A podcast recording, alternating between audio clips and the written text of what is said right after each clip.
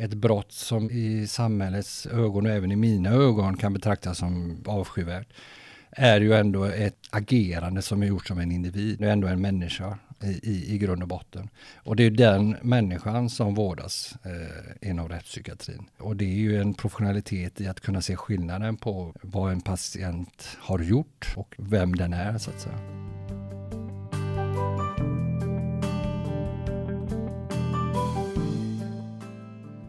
Akutvård, cancerbehandlingar, ja det är kanske den vården man oftast förknippar med Sahlgrenska universitetssjukhuset.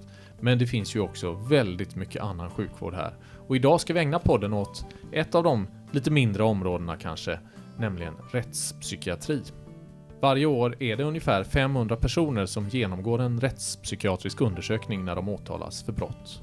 Och av dem är det ungefär hälften som konstateras ha en allvarlig psykisk störning när brottet begås och de hamnar då inte i fängelse utan istället så tvångsvårdas de inom rättspsykiatrin. Vissa av dem hamnar på Rågården där Sahlgrenska universitetssjukhusets rättspsykiatriska verksamhet ligger. Och dagens gäst i Sahlgrenska podden, det är Christian Kalon. Du är enhetschef inom rättspsykiatrin inom öppenvården här på Sahlgrenska universitetssjukhuset. Välkommen hit! Tack så jättemycket!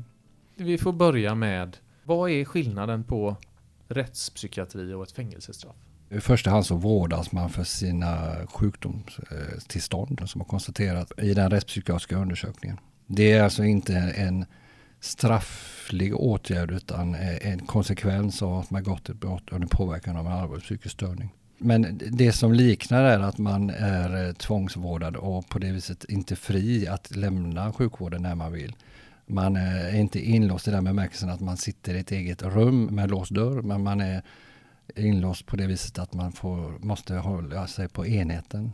Men berätta lite, vilka är era patienter? Hur ser typiska patienter ut? Ja, jag önskar att jag hade kunnat svara att det fanns en typisk rättspsykiatrisk patient. Det gör inte det, utan patienterna har alla åldrar, alla kön, eller på att säga, men alla uttryck. Eh, och man har eh, olika social bakgrund, man har olika etnisk bakgrund. Eh, det finns inte en patient, det finns inte ens en diagnos hos oss. De patienterna som vårdas hos oss har enligt en juridisk mening en allvarlig psykisk störning. Och det är inte en diagnos i, i medicinsk mening utan det är ett juridiskt begrepp. Eh, och då kan man säga, för att förenkla det så skulle man kunna säga att vi jobbar med personer med, med psykos eller schizofreni. Eh, det är många, det är kanske övervägande som har en psykossjukdom men det finns andra sjukdomstillstånd också. Som bipolär sjukdom eller allvarlig eh, depression. Missbruk är, det är någonting som återkommer eh, hos många patienter. Eh, även att man har under brottstillfället varit påverkad av alkohol eller någon annan substans är också vanligt återkommande bland våra patienter. Men om du träffar dem så skulle du inte känna igen dem. Det finns liksom ingen, inget, inga yttre attribut som, som visar att det här är en rättspsykiatrisk patient. Utan det, det, det är som vilka, vilka människor som helst. Du, eh, vi har domstolen. Man gör då en sån här rättspsykiatrisk undersökning. Hur går det till? Det är en ganska omfattande undersökning som kan sträcka sig upp till fyra veckor. Och den rättspsykiatriska undersökningen bedrivs av staten inom Rättsmedicinalverket. Och många gånger nog så följer naturligtvis eh, tingsrätten eh, rekommendationerna och då överlämnas man till Sahlgrenska, det vill säga rättspsykiatrisk vård. Det är nog väldigt många som inte vet att det är hos oss man hamnar, eller vad, vad, tror du? Nej, men det har jag faktiskt också blivit varse om att eh, man inte riktigt eh, Många gånger så blir man förvånad när, när personer får reda på att det är inom Sahlgrenska eh, man vårdas. Jag tror man tänker något annat, men jag tror inte man riktigt vet vad det är man tänker. Eh, men för, för mig är det ganska naturligt att man vårdas inom den specialiteten som, som erbjuds och det har ju Sahlgrenska en eh, lång erfarenhet av att vårda patienter inom psykiatrin. Vilka brott är det de har begått då? Vi har inte pratat så mycket om det. det man ser framför sig är väl någon sorts grova brott och allt vad det kan vara. Sexuella ja. brott och våldsbrott och så. Ja, nej men det är, vi, eh, det, det, är inte heller alldeles enkelt att svara på vilken typ av brott. Eh, en, en vanlig, ett vanligt brott är misshandel. Eh, där man eh, i sitt sjukdomstillstånd har, har hamnat i situationer som är okontrollerbara. Man upplever som patient att man är attackerad av kan vara demoner eller det kan vara och så hamnar man i situationer som man inte kan styra över. Och det rubriceras då som misshandel. Eh, mordbrand eh, inte ovanligt heller. Patienter eh, har en vanföreställning som gör att de kan tända eld på sin lägenhet. Det finns ju personer som är dömda för mord också.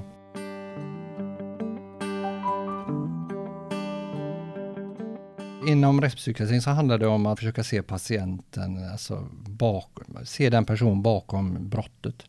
Sen eh, det är, det är inte lätt för att eh, brott väcker känslor. Eh, och det gör det även hos, hos personal naturligtvis. Jag vill inte att någon ska tro att man förminskar brottet. Eh, eller att det inte alls på något sätt återspeglas i, i vad som, vilka påföljder det blir för patienterna. Men om man ska gå in och jobba med patienter som har begått eh, grova brott så, så får man försöka se bortom det och jobba med individens möjligheter till att eh, rehabiliteras. Fängelsestraff det är ju tidsbestämt. Mm. Men, men hur länge är man patient inom rättspsykiatrin egentligen? Det går inte att säga hur länge man är eh, patient inom rättspsykiatrin. Vi har en medianvårdtid på, på fem och ett halvt år ungefär. Så det kan vara allt ifrån ett år till eh, ganska många år. Finns det fall som sitter inne resten av livet? I teorin skulle man kunna säga att det är så. Jag känner inte själv till att det är, eh, i alla fall inte på Rågården. Eh, men, eh, men i teorin kan man naturligtvis säga att det är så, ja. I fängelsevård, i kriminalvård så har man ett utdömt straff för oss, våra patienter, är det inte tidsbestämt utan det, det bygger på huruvida man är i sånt skick att man kan återinträda i samhället. Men blir era patienter friska? Friska eh, kanske man inte blir i den meningen att man är fri från eh, sjukdomstillståndet. Man kan eh, ganska ofta bli så pass att man är kontrollerad i sin sjukdom genom läkemedelsbehandling bland annat. Så att man kan agera i samhället utan att utgöra ett hot för varken sig själv eller för andra. Det är omöjligt att göra en hel podd om detta ämne och inte fråga om gökboet. ja, det är ju nidbilden av eh, psykiatrisk tvångsvård. Naturligtvis är det så. Eh, och jag har sett filmen och fascinerats av den eh, beskrivning man gör av patienterna eh, i den filmen. Eh, men jag kan säga att det ligger ganska långt ifrån den verklighet som våra patienter vårdas under. I, eh, i eh, Jökboet så vårdas man i en väldigt steril lokal miljö. Eh, vi har ett alldeles nybyggt sjukhus där det i allra högsta grad man tagit hänsyn till att den omgivande faktorn ska vara läkande patienterna är med moderna läkemedel så är man inte så tungt medicinerad som patienterna är i, i utan man beroende naturligtvis på funktionsgrad så, så är man kommunikativ och kan prata om sin situation oftast. Eh, det syns liksom inte på våra patienter att de är patienter. De har inga särskilda patientkläder. Psykiatri har väl alltid förknippats med någon typ av stigma. Eh, även om det rör sig om relativt enkla åkommor så, så är det ju ändå inte fortfarande någonting som man lika självklart berättar om som att man har diabetes eller att man har brutit en arm och så vidare. Så det är väl fortfarande ett ämne som man behöver lyfta upp och prata om. Hur ser det ut inne på Rågården om vi är i slutenvården? Hur, mm. hur ser det ut där? Är det, jag har varit, det är väldigt fina lokaler och ljust mm. och ligger ja. i naturen ja. eh, bakom stängsel liksom. Men mm. kan man röra sig fritt inne där eller hur går det till inuti? Rågården har valt ett säkerhetstänk som bygger på dynamisk säkerhet. Och det betyder då enkelt att vi har inte så mycket höga murar. Eh, vi har, det syns egentligen inte utifrån att det är en, en, en slutenvårdssjukvård eh, som bedrivs där. Utan det bygger på att man blir beledsagad som patient och personal om man ska röra sig inom skalskyddet.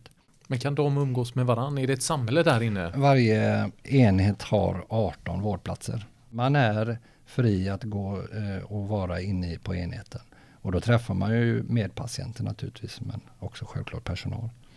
Man är inte inlåst. Man är inte inlåst på sitt rum ens på natten. Eh, utan det är personal som, eh, som är, eh, jobbar och, och står för den delen av övervakningen man ska säga.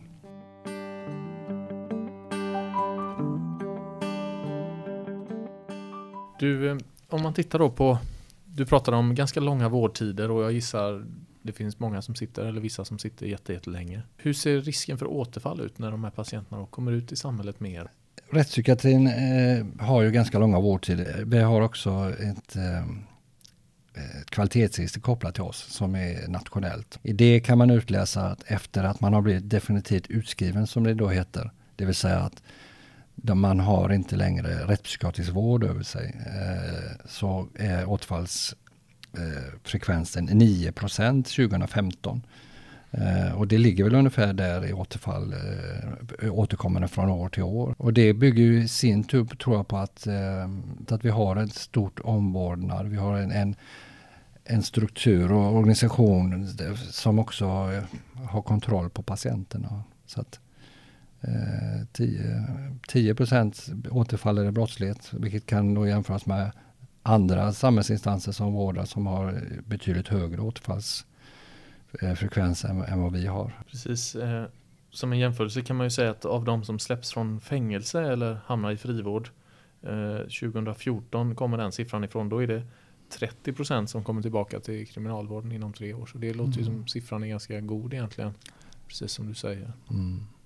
Jag tycker att i jämförelse så är det goda siffror. Naturligtvis är varje återfall ett misslyckande förstås för individ och kanske även för oss som sjukvårdinrättningar. Men äh, människor är inte heller sådana att man enkelt kan förutse alla, alla, äh, all, alla framtida faktorer. Har du själv stött på någon patient där, där du liksom, nej, här går gränsen. Det här är för mycket eller för avskyvärt eller det, jag kan inte ge, erbjuda vård eller bidra till att vårda den här personen. Ja, alltså man är ju nära ibland. Eh, och det beror ju på vem man själv är och vad man själv eh, triggas av. Eh, till exempel brott mot barn som fyrbarnsfar så kan det vara svårt att hantera för mig. Men eh, naturligtvis, om, om det kommer väldigt nära någon så, så ska inte vi tvinga våra, vår personal att jobba med just med den patienten. Och då, då får man kanske fördela om så att, så att man får jobba med patienter som som inte väcker så mycket känslor hos en själv.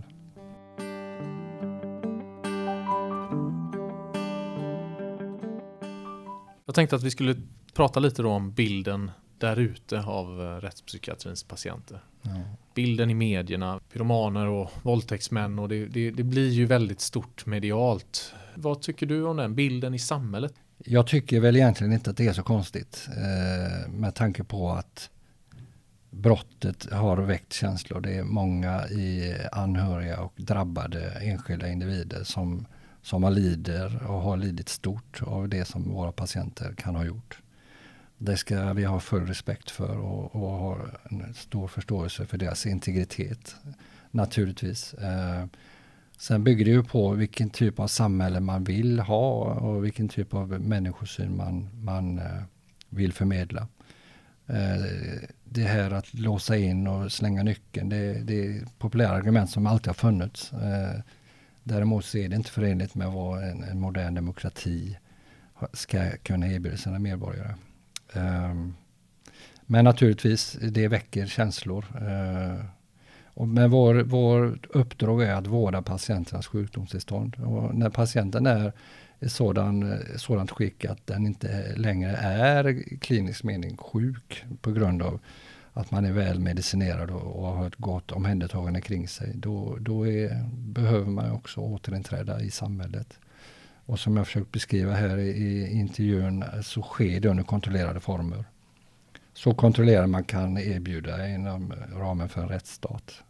Vad tänker du när du läser i tidningen om det kan vara dina egna patienter eller din, din enhets patienter eller Sahlgrenskas patienter.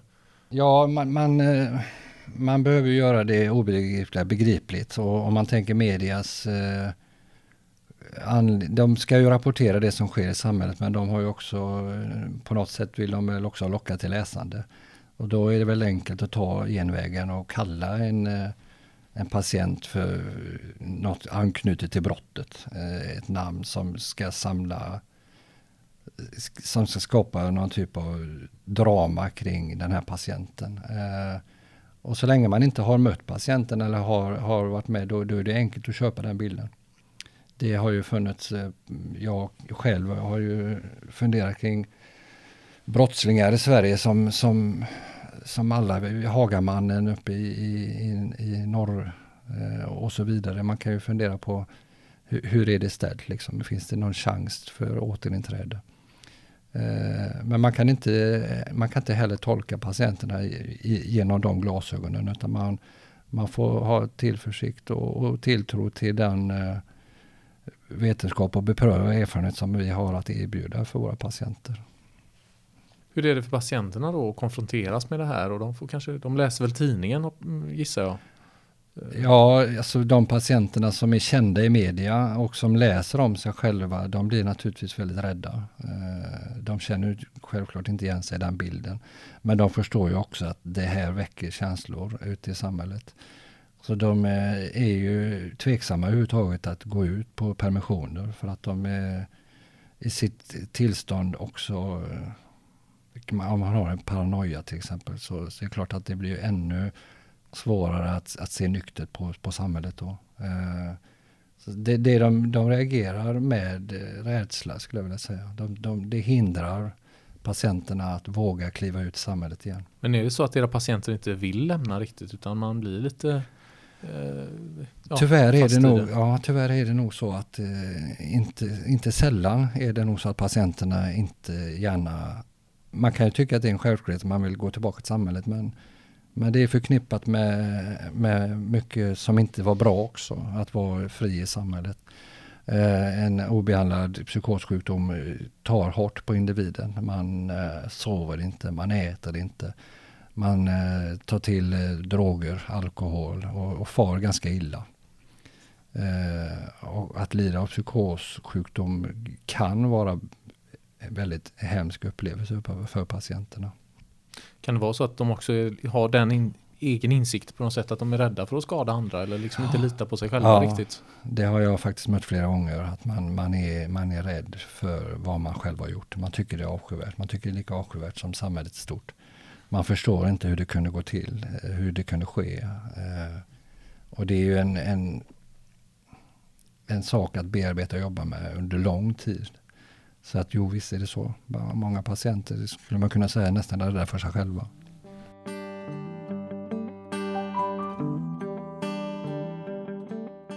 Vad är det bästa med att jobba inom rättspsykiatrin på Sahlgrenska?